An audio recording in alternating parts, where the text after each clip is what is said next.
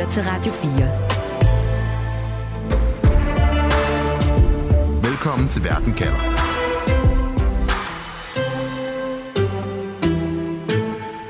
Krigen kommer til Rusland. Det er uundgåeligt, det er nødvendigt, det er retfærdigt. Sådan sagde øh, Ukraines præsident Zelensky for bare fire uger siden, da han forsvarede et ukrainsk droneangreb mod Moskva. Nu er Zelensky så i et nyt interview på Ukrains tv ude at sige, at det er risikabelt at rykke krigen til Rusland. Så hvad er budskabet for Ukraines præsident egentlig? Ønsker han eller ønsker han ikke at tage krigen til Rusland, og hvad siger vi i Vesten? Det skal det handle om i dag, hvor jeg spørger, bliver Ukraine nødt til at angribe Rusland for at vinde? Jeg hedder Stine Krohmann Dragsted. Velkommen til Verden kalder, programmet, hvor jeg stiller skarp på et aktuelt spørgsmål om verden, og på en halv time giver dig svar. Lytter til Radio 4. Og med mig til at svare på dagens spørgsmål har jeg Peter Viggo Jacobsen, som er forsker ved Forsvarsakademiet med fokus på blandt andet militær magtanvendelse og NATO. Velkommen til, Peter Viggo. Tak skal du have. Og jeg har også Carsten Rasmussen, militæranalytiker, brigadegeneral og tidligere forsvarsattaché i Rusland. Også velkommen til dig, Carsten. Tak skal du have. I går, der giver præsident Zelensky et interview på landsdækkende tv, hvor han direkte bliver spurgt om, hvorvidt krigen bør flytte over på Ruslands egen jord. Og her svarer Zelensky, der er stor risiko for, at vi så med sikkerhed bliver efterladt alene. Peter Viggo, hvis du skal oversætte det til forståeligt dansk, hvad er det så, Zelensky siger her?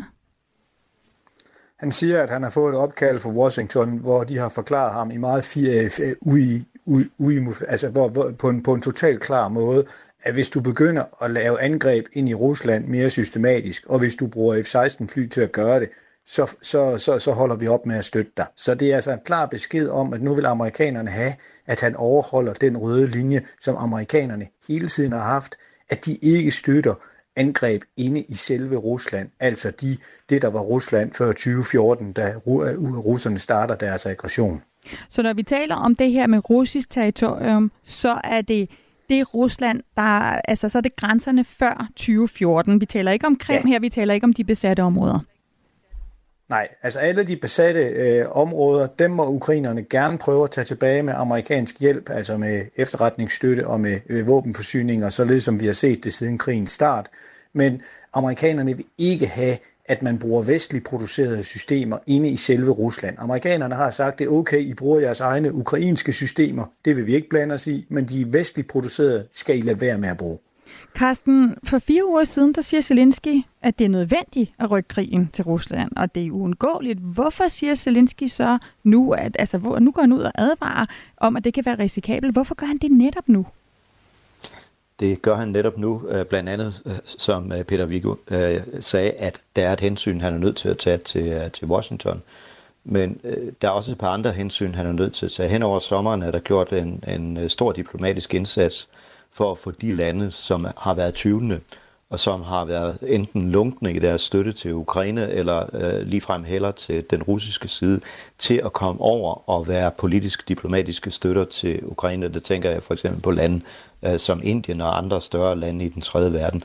Hvis Ukraine giver sig til massivt at angribe mål ind i Rusland, øh, så vil de her øh, fence øh, så vil de svinge over til Rusland, og det har Ukraine ikke brug for.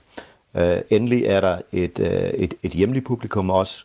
Øh, der er et, et, et velbegrundet ønske om uh, fra ukrains, den ukrainske befolkningsside, eller fra dele af den ukrainske befolkningsside, at hævne sig på russerne for de angreb, de gennemfører mod civile mål, mod civilbefolkningen i Ukraine, hvor der jo hver eneste dag dør civile ukrainer. Uh, og det er der mange i Ukraine, det vil man gerne have. Det slår man igen overfor, hævner sig på russerne og, er, og angriber mål inde i Rusland på tilsvarende vis. Og nu er Zelensky ude at sige, det kan vi ikke, fordi der er altså nogle større hensyn, jeg er nødt til at tage. Så han har faktisk et budskab til flere, at han skal sende afsted her. Dels til ukrainerne derhjemme, dels til amerikanerne, og så til de her andre lande, nogle af dem meget store lande, som han øh, gerne vil have, i hvert fald ikke vender sig imod Ukraine. Jeg skal lige, lad mig lige komme med endnu et citat fra øh, det interview, han, han gav, som altså var på ukrainsk, så vi har kun noget af det oversat fra den ukrainske avis Pravda hvor der blandt andet står, at Zelensky har sagt, at der er store lande i verden, meget store lande, hvis eneste grund til ikke at være på Ruslands side er territorial integritet. Hvis jeg beslutter at indsætte mine tropper på russisk territorium, så ved jeg med sikkerhed, at sådan et land ikke vil bakke mig op. Og så må jeg overveje, hvad der er vigtigst for folket og for Ukraine. Carsten Rasmussen, det kunne lyde som Kina, som Zelensky taler om her. Jeg er overbevist om, at han taler om Kina. Zelensky ønsker ikke at bringe sig i en situation, hvor øh, Kinas støtte til Rusland bliver åbenlys. At, at Kina støtter Rusland er diskret, og det gør de i dag, det er der ingen tvivl om. øh, det, det må han leve med, øh, og det må han lære at leve med, men han ønsker ikke at bringe sig i en situation, hvor Kina kaster hele sin vægt ind bag Rusland. Peter Viggo, hvad siger du til det her toneskift, som kommer på bare fire uger? Jamen altså, det er jo bare virkeligheden, der har ramt ham. Jeg har hele tiden syntes, det var strategisk håbløst især at komme med sådan en tale, især på et tidspunkt, hvor manden er ved at få F-16-fly, og hvor amerikanerne igen har været ude at sige som en betingelse for det, du må ikke angribe Rusland med F-16-fly, hvis du skal have dem. Og det vil vi have en garanti for. Men amerikanerne ved selvfølgelig godt, at når de først har givet dem F-16-flyene, så er det begrænset, hvad man kan gøre, udover selvfølgelig at, at, at bestemme, hvad for nogle våbenpakker man sætter på flyene. Men, men, men det, det, det, det, amerikanerne har også hele tiden haft den holdning, at når man først har givet våbensystemerne, ja, så er det ukrainerne, der, der, der bestemmer, hvordan de skal bruges. Så, så, så jeg synes sådan set, at det her er det strategiske rigtige skridt at gøre. Dels af hensyn til amerikanerne, men også af hensyn til det, Carsten lige har påpeget. Og så er der jo også sådan en moralsk øh, element i det her med, at hver gang russerne, når an, russerne angriber mål i de ukrainske byer og infrastruktur og så videre, ja, så står vi jo og råber krigsforbrydelser og så videre og får beskrevet russerne som de onde. Og hvis man gerne vil bevare det der moralske overtag, ikke, så skal man jo vise, at man er bedre end fjenden. Det var præcis derfor, det var så katastrofalt, da billederne fra Abu Ghraib om amerikansk mishandling af irakiske krigsfanger kom ud i forbindelse med, øh, hvad det hedder, da amerikanerne sad på Irak efter 2003. For alt det der, og øh, den moralske overhøjhed, som amerikanerne gik i krig med, hvor de sagde, at Saddam Hussein var en ond diktator, han havde brugt kemiske våben mod sin egen befolkning, han havde tortureret øh, øh, folk i fængsel, ja, så kunne man se, at amerikanerne torturerede sig også folk i fængsel, så hvad var lige forskellen? Så det er vigtigt også, at den, at det hensyn, at han undgår det. Det er meget nemmere at, vi, at fortsætte at have tyskernes sympati og opbakning, hvis man holder sig fra at angribe øh, mål, øh, hvor det kan gå ud over de civile. Så på rigtig mange parametre er det her strategisk klogt. Men det kan selvfølgelig have nogle negative konsekvenser for hans evne til at føre krig på det operative og taktiske niveau, som, som vi helt sikkert kommer ind på senere i samtalen. Mm. Det vil jeg nemlig meget gerne ind på, men, men lad mig lige så fast, det I siger er simpelthen, det er en balancegang, som Zelensky han går her på flere parametre. Han skal tage hensyn politisk til, hvor USA står, øh, hvor Kina, Indien og andre står. Han skal også tage hensyn til en, en folkestemning i for eksempel Tyskland, i andre europæiske lande, hvor han skal bevare en opbakning. Peter Viggo, prøv lige at forklare, hvorfor er det så vigtigt for for Zelensky at stå det her budskab fast, først og fremmest for amerikanerne, og måske ikke i helt til samme grad øh, over for os i Europa? Jeg tror, det er vigtigt, fordi han står i en situation, hvor man begynder at stille spørgsmålstegn ved, hvor langvarig øh, den amerikanske støtte er. Og det, som amerikanerne hele tiden har set som dilemmaet i den her krig, det er, at man prioritet nummer et, det er, man vil ikke i direkte krig med Rusland. Det, der sker i Ukraine, skal blive i Ukraine. Man vil ikke have, at det her eskalerer til en konfrontation imellem NATO og Rusland, og amerikanerne skal til i krig mod russerne.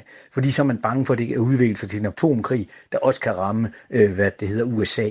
Det er vigtigere, end at Ukraine i gåsøjne vinder og får hele deres territorium tilbage.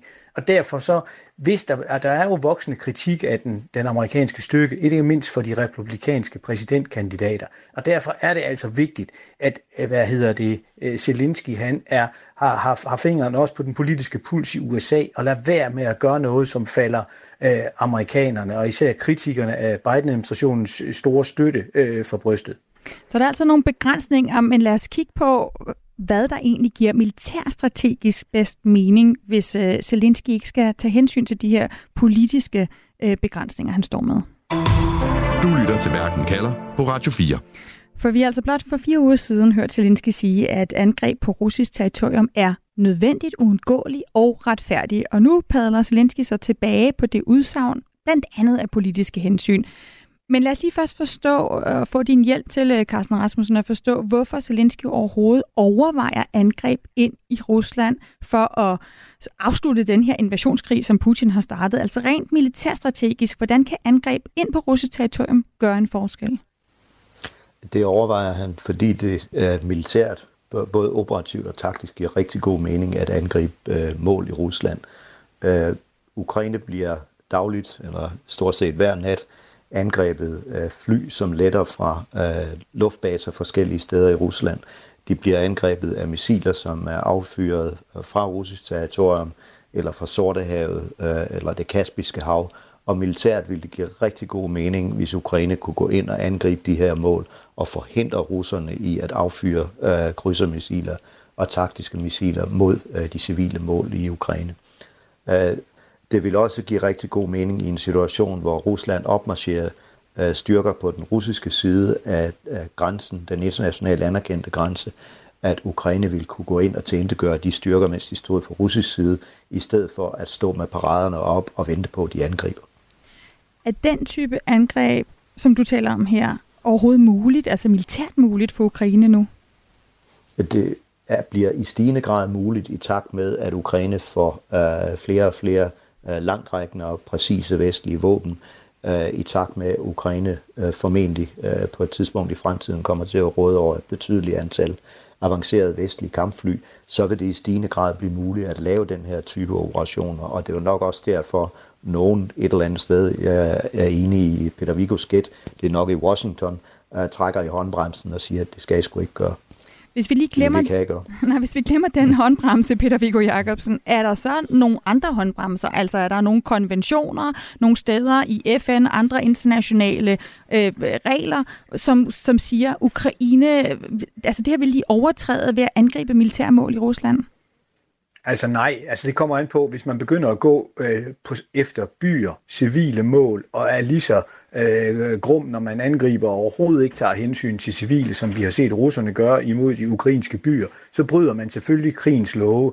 Men som Carsten lige netop har været inde på, så er der masser af legitime militære mål, som ukrainerne gerne må angribe. Altså, de må gerne angribe de flybaser, hvorfra russerne laver angreb ind i Ukraine. De må gerne angribe øh, øh, flådebasen på russisk grund i Sortehavet osv. Så, videre. så jeg synes egentlig ikke rigtigt, der er nogen sådan, altså, folkeretlige begrænsninger, der gør, at de ikke kan angribe ind i, i Ukraine. Det er først og fremmest en, en politisk og strategisk øh, begrænsning, som vi allerede har været inde på. Men, men jeg mm. tror også, der er en anden pointe, som jeg egentlig godt vil fremføre på nuværende tidspunkt. Ja. Jeg synes også, det er begrænset, hvor meget ukrainerne vil få ud af at begynde mere systematisk at angribe øh, russisk territorium på nuværende tidspunkt, fordi hvis man kigger på et kort, så kan vi jo se, at frontlinjerne med undtagelse af Kharkiv ligger ret langt inde på Ukrains territorium. Og det giver altså ret meget rum for, at ukrainerne stadigvæk kan angribe opmarcherede øh, hvad det hedder, tropper, øh, angribe øh, depoter med forskellige typer af forsyninger osv., bag ved fronten, og dermed udnytte de mere længerækkende missilsystemer, som de har fået på det seneste. Og derudover vil jeg også betvivle, hvor stor kapacitet ukrainerne det, det, det, næste, det næste altså, halve år til 3 4 år, indtil de begynder at få mange F-16-fly, hvor stor kapacitet de egentlig har til at lave effektive øh, angreb på, på, på mål langt inde i, i, i Rusland. Så derfor vil jeg også mene, at selv hvis man kigger på det fra et operativt taktisk øh, synspunkt lige nu, så synes jeg, at de får mere ud af at prøve at angribe lige bag ved fronterne og prøve at svække de, hvad det hedder, frontlinjer, som de, som de ønsker at gennembryde. Men det er klart, i takt med, at hvis de så lykkes med at bryde, gennembryde fronten nu og kommer tættere og tættere på grænsen, så vil der være et tidspunkt, når man begynder at nærme sig de gamle grænser, hvor man er nødt til at angribe inde i Rusland. Men hvis det så er en kamp, der knyttet, er knyttet til, til fronten, så tror jeg også, man for vestlige og internationale øjne vil se med, med meget mildere øjne på det, mm. frem for at lave de her langdistance angreb på Moskva, som vi har set set nogle eksempler på. Lad mig lige gå tilbage, altså vende tilbage til det med, om den røde linje kunne rykke sig. Men, men, men jeg vil lige gerne først spørge dig om det, Peter Viggo Jacobsen. Altså det der med, du siger, at du ikke lige nu, hvis vi kigger alene rent militært operativt på det, mener, at det gør den store forskel. Hvorfor ikke, hvis man for eksempel kunne øh, angribe ja, altså nogle af de steder, hvor russerne affyrer missiler fra, som jo lige nu virkelig ødelægger jo, altså det gør, at man kan forsvare hovedstaden Kiev, men mange andre steder jo rammer ned og forårsager civil ulykke, men også militær ødelæggelse. Jamen, når jeg siger det, så er det fordi, jeg ikke rigtig kan se, at de har en militær kapacitet til at gøre det. Mm. Altså de der, hvad det hedder, missilsystemer, de har, de kan skyde nogle hundrede kilometer. De, det er begrænset, hvor langt de kan skyde ind, og de har ikke kampflyevne til at kunne flyve ind med kampfly i, i større målestok og angribe, hvad det hedder, øh, russiske flyvestationer og andet, så det gør andet end symbolsk skade. Altså de, de angreb, vi har set i Moskva og også på flyvestationer et par gange, de har mere haft sådan en symbolsk værdi og en propagandamæssig værdi og givet sådan lidt en moralsk optur til soldaterne inde i Ukraine som er, og også befolkningen, så man kan se, at vi kan også godt ramme og Rusland. Men jeg synes, det har været mere psykologisk krigsførelse, end det har været noget, der har svækket den russiske evne til at fortsætte med at lave de her angreb mod ukrainerne. Og derfor så forstår jeg sagtens den, den, den øh, strategiske logik i at lave de her øh, symbolangreb, som jeg vil kalde dem, men jeg ser altså ikke, at det er noget, der i, i, i nævneværdig omfang har påvirket den russiske evne til at fortsætte at lave de her angreb med mm. missiler og andet på, på, de, på de ukrainske byer. Carsten Rasmussen, psykologisk øh, krigsførelse og symbolangreb. Hvad siger du til det? Altså, du, du mener, at øh, også her og nu ville Ukraine være i stand til at angribe ind på russisk territorium, og det vil gøre en forskel for, hvordan krigen ser ud? Ja, det gør jeg, øh, og ja, men jeg er til gengæld fuldstændig enig med Peter, Peter Vigo, at Ukraine har ikke kapaciteten til at gennemføre systematiske angreb mod for eksempel de steder, hvor der bliver afført missiler fra, men Ukraine har eller er meget tæt på at have kapaciteten til at gennemføre angreb mod, øh, hvad skal vi kalde det, high value targets, altså et område, for eksempel et vejknudepunkt, jernbaneknudepunkt, hvor der er en stor koncentration af russiske styrker eller en stor koncentration af russisk logistik, så går ind og tilføjer det øh, et slag, øh, men ikke et, et, et angreb eller en serie af angreb, som, som bliver ved med successivt at ramme mange mål i, uh, i Rusland. Det er der slet ikke kapacitet til. Men mere sådan, hvad skal vi kalde det, øh, uh, nålestiksoperationer, øh, der virkelig går ind og rammer med nålen lige netop der, hvor det gør meget ondt. Øh, det øh, kan Ukraine lave med nogle af de våbensystemer, som de allerede har på nuværende tidspunkt for, som for eksempel Storm Shadow øh, krydsermissiler. Og det er de begrænset af lige nu, fordi de må tage nogle politiske hensyn. Lad os lige også kigge på, øh, når, når I så kommer med de her argumenter om, hvordan Zelensky kan tænke, hvis han alene skal tage højde for det militære og, og det strategiske, øh, hvor han egentlig kan, kan ligesom kigge efter råd, øh, hvis han skulle læse i historiebøgerne. Lad os, lad os se på, hvordan tidligere lande, der har været invaderet, har forsøgt at forsvare sig. Radio 4 taler med Danmark. For øh, Peter Viggo, hvis nu Zelensky skulle kigge i historiebøgerne for at få hjælp til at lægge sin militære strategi, når det gælder det her med at beslutte sig til, skal angribe ind i Rusland eller ej, er der så nogle eksempler på, at en invaderet part har formået at vinde uden at angribe nationen, der har invaderet? Mm, nej, det, det synes jeg ikke rigtigt, der er. Men, men jeg tror også, det er vigtigt at, at sige, at det er jo amerikanerne, der, der styrer Zelensky. Og, det, og med det mener jeg, at det er uden den amerikanske assistance med både massive våbenforsyninger, men også massiv efterretningsbistand, så de, han får at vide, hvor russerne befinder sig, hvornår og hvordan. Det var jo også amerikanerne, der fortalte Zelensky, hvordan den russiske angrebsplan så ud, da, krig, da invasionen starter. Så havde russerne jo vundet for længst. Og det gør, at det i højere grad er amerikanerne, der sidder mm. og har muligheden for at trække i tråden og styre slagets gang, end det er Zelensky. Og det, som amerikanerne sidder og tænker tilbage på, det er, hvordan var det, vi, vi håndterede krigen øh, mod, øh, hvad det hedder, Nordkorea og Kina og Sovjetunionen i Korea fra 1950 til 53. Hvordan var det, vi håndterede, hvad det hedder, krigen i Vietnam, så den heller ikke eskalerede til en atomkrig? Fordi det, der er amerikanernes bekymring, det er, at hvis russerne øh, taber for meget eller føler sig gigapresset, ja, så kan de så kan de måske blive så desperate, at de bruger taktiske atomvåben inde i Ukraine. Og det vil amerikanerne for alt i verden undgå, fordi så har amerikanerne sagt, at så vil de gå direkte ind i krigen med fly og missiler og andet. Og det er det, amerikanerne først og fremmest vil undgå. Så jeg tror, at amerikanerne sidder og kigger på, hvordan de prøvede at begrænse krigen øh, i, i, i Korea eksempelvis, hvor de også forbød deres styrker og angribe mål inde i Kina, selv på et tidspunkt, hvor kineserne havde op mod en halv million mand inde i Nordkorea, hvor de jo så kæmpede med de amerikanske styrker og de lande, der havde sendt øh, styrker til støtte for den FN-styrke, øh, som, som mm. hele krigen blev, blev, blev, blev kørt under. Carsten Rasmussen, hvad siger du til men, den parallel, og hvad kan man bruge den til, hvis man, hvis man er amerikanerne eller Zelensky med den konflikt, vi står med i dag? Jeg er helt enig i parallellen, og hvis man ser det fra et amerikansk synspunkt, kan det godt give mening at ende op i, i noget, øh, i en krig, der ender ligesom Koreakrigen i en langvarig våbenhvile, altså en frossen konflikt. Koreakrigen er jo ikke slut endnu, skal vi huske på. Men hvis man ser det fra ukrainsk synspunkt, øh, så øh, har jeg vanskeligt ved at se, at Ukraine har en interesse i at ende i en situation, hvor 20 procent af landets territorium befinder sig bag en demilitariseret zone, som den, øh, den der findes i Korea, i 50 eller 100 år. Så Ukraine har ikke en interesse i at fryse krigen. Ukraine har en interesse i at vinde krigen. Og har du et eksempel på et invaderet land, der har smidt aggressoren ud ved selv at øh, angribe det land, der har invaderet? Øh, jeg synes, det bedste eksempel er, sådan i nyere tid er den, den irakiske invasion af, af Kuwait, hvor koalitionsstyrken for at smide irakerne ud af Kuwait, indledte en, først en langvarig luftkampagne, som, øh, som øh, tilindegjorde øh, irakiske styrker både i Kuwait øh, og dybt inde i øh, Irak. Og i den afsluttende fase gennemførte en, en landoperation, øh, som kom ind over den irakiske grænse og ødelagde meget store dele af den irakiske her, men derefter trak sig tilbage, da Kuwait var befriet. Carsten Rasmussen. Men man angreb, man angreb ja. mål inde i Irak massivt for at opnå det resultat. Hvis du så skal tage det over til, hvor Ukraine og Zelensky står i dag. Undskyld, hvad siger du, Peter Viggo? Jeg vil sige, ja, og man prøvede også at slå Saddam Hussein ihjel, så der var nogle helt andre, mm. altså amerikanerne kørte efter helt andre retningslinjer i Irak, end de, end, de, end de gjorde i Korea, og som de til dato har været villige til at gøre i, i, i Ukraine. Men ellers er jeg helt enig i parallellen. Det viser, hvor vanskeligt det vil være for Ukraine ikke at vinde, eller at vinde, hvis de ikke må angribe mål ind i Rusland. Og det var netop det, jeg ville til at spørge om. Er du enig i det, Carsten Rasmussen? Altså, at Ukraine får vanskeligt ved at vinde krigen, hvis Zelensky hele tiden må sige til sine militærledere, nej, I må ikke rykke ind øh, på russisk territorium. Det bliver efter min opfattelse umuligt for Ukraine at vinde krigen militært, hvis ikke man også skal angribe mål øh, i Rusland.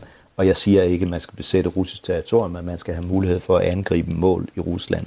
Det maksimale Ukraine kan opnå, uden at angribe mål øh, i Rusland, at gøre russiske styrker også på, på den russiske side af grænsen, det vil være at få konflikten til at fryse, og det er måske netop det, Putin gerne vil have. Tror du, Carsten, at den her røde linje, som Peter Vigo har, har trukket op øh, fra amerikansk side, altså når vi taler om røde linjer, så taler vi jo meget om, hvor Putin og Ruslands røde linje går. Det vi taler om her, det er, at USA siger, der er en rød linje, når det gælder Ukraine og brug af militær magt, specielt når det er vestlige våbensystemer. I skal ikke angribe øh, russisk territorie. Altså, vi taler om de landegrænser fra før øh, invasionen i 2014 øh, på Krimhaløen. Carsten Rasmussen, tror du, den røde linje kommer til at rykke sig? Jeg har vanskeligt ved at se den røde linje komme til at rykke sig. Amerikanernes frygt for at komme i en situation, hvor, hvor vi får en militær konfrontation mellem, øh, øh mellem USA og, og Rusland. Den er stor. USA ønsker ikke at bringe hverken sig selv eller resten af verden i en situation, hvor, øh, hvor det kan ende i en atomkrig.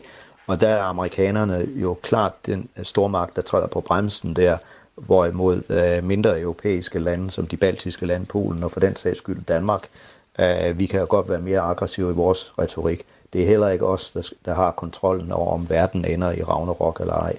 Det er amerikanerne, der må optræde som den ansvarlige stormagt der.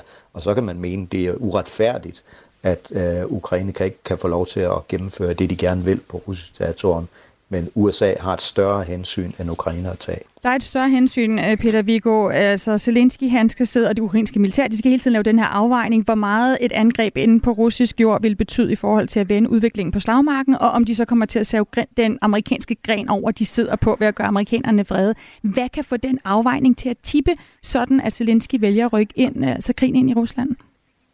Altså jeg er måske en lille smule mere øh, optimistisk end Karsten, men det, det afspejler måske også bare, at jeg ikke er lige så meget inde i det rent militære, operative, taktiske, som Karsten er, da jeg ikke har en militær baggrund. Men, men jeg vil stadigvæk mene, at hvis vi bliver ved med at begrave ukrainerne i materiel og våbensystemer, ammunition osv., og især hjælper dem med at forbedre deres defensive luftforsvar, altså deres evne til at kunne, øh, hvad det hedder, beskytte deres byer osv., på den ene side, og så bliver ved med at hælde, hælde grej og ammunition derind og hjælpe dem til at, at forbedre deres kampevne vis-à-vis russerne, så synes jeg ikke, det er helt utænkeligt, at de måske vil være i stand til at presse fronterne længere tilbage imod de oprindelige grænser. Jeg er helt med på, at det er enormt svært at gennembryde de forsvarslinjer, som russerne har gjort. Men, men jeg, jeg, vil ikke, jeg vil ikke helt øh, sige, at det er umuligt. Og hvis det sker, og hvis russerne begynder at komme tættere og tættere på de gamle grænser, så kan jeg godt se en vestlig accept af, at man angriber mål lige på den anden side af den russisk-ukrainske grænse, hvis der står nogle artillerisystemer der og hamrer løs på, på, på, på, på frontlinjerne for at hjælpe øh, de, de russiske linjer. Fordi så bliver det en del af en, hvor, hvor det er en meget begrænset, hvad det hedder, øh, hvad det hedder, altså, øh, altså øh, indtrængen på russisk eller bombardement af russisk øh, territorium. Mm. Og hvis det bliver gjort med systemer, der er inde i Ukraine, så tror jeg godt, man måske vil kunne, kunne leve med det. Så jeg ser en lidt mere dynamisk situation, afhængig af, hvordan situationen udvikler sig på slagmarken. Og det er jo så måske nøglepunktet øh, her, ikke Carsten Rasmussen, hvordan udviklingen, øh, hvordan krigen udvikler sig på slagmarken. Fordi det Peter Viggo siger, det, det scenarie, det kræver jo, at frontlinjen flytter sig. Det gør det i høj grad, og der er, der er en ting i det, Peter Viggo siger, det er, at vi kan blive ved med at pumpe våbensystemer, og vi kan blive ved med at pumpe ammunition ind for at støtte ukrainerne, sådan at de langsomt kan måske skubbe øh, russerne tilbage til grænsen, og så kan, kan man måske øh, retfærdiggøre på det tidspunkt at angribe mål ind over grænsen. Men der er én ting, vi ikke kan hjælpe ukrainerne med, og det, det er flere soldater. Og ukrainerne betaler en meget, meget høj pris for den øh, krig, der føres i øjeblikket, øh, hvor de langsomt og metodisk presser øh, russerne tilbage mod den russiske grænse. Det kan man blandt andet høre om i et andet Verden kalder program, man kan gå ind og finde på podcast, hvor vi blandt andet taler med nogle af de ukrainske soldater, og den pris, de er villige til at betale, blandt andet med deres liv, for at fortsætte den her krig. Nu er det tid til en konklusion. Du lytter til Verden kalder på Radio 4. Hvor jeg i dag spørger, kan Ukraine vinde uden at angribe Rusland? Peter Viggo Jacobsen, hvad er din konklusion på det spørgsmål? Jamen altså, det må tiden vise, og det afhænger meget af det, som Carsten også nævnte her til sidst, hvor mange soldaters liv øh, Ukraine er villige til at sætte ind for at nå det mål. Men jeg tror sådan set godt, vi vil kunne blive ved med at forsyne dem lige så længe de er villige til at prøve at slås for at nå det mål. Carsten Rasmussen, kan Ukraine vinde uden at angribe Rusland? Nej, Ukraine kan ikke vinde uden at angribe Rusland. Ukraine kan komme i en situation, øh, hvor krigen stanser, fryser, men ikke vinde. Tusind tak for den øh, konklusion fra Carsten Rasmussen, altså militæranalytiker, brigadegeneral og tidligere forsvarsattaché i Rusland, og også tak til Peter Viggo Jacobsen, forsker ved Forsvarsakademiet. Denne verden kalder blev lavet af Frederik Lyne og af mig, Stine Krohmann Dragsted. Vores redaktør hedder Camilla Høj Eggers. Vi har brugt lyd i dette program fra AFP. Og husk, uanset hvad der sker, så kan du få svar på et afgørende spørgsmål lige her i Verden kalder med mig, Stine Krohmann Dragsted. Det er mandag og torsdag, jeg sender live, og så kan du altid lytte til alle Verden kalder programmerne som podcast, lige når du vil. Du kan følge Verden kalder, så får du altid de seneste programmer, så snart de er klar. Du har lyttet til en podcast fra Radio 4. Find flere episoder i vores app, eller der, hvor du lytter til podcast.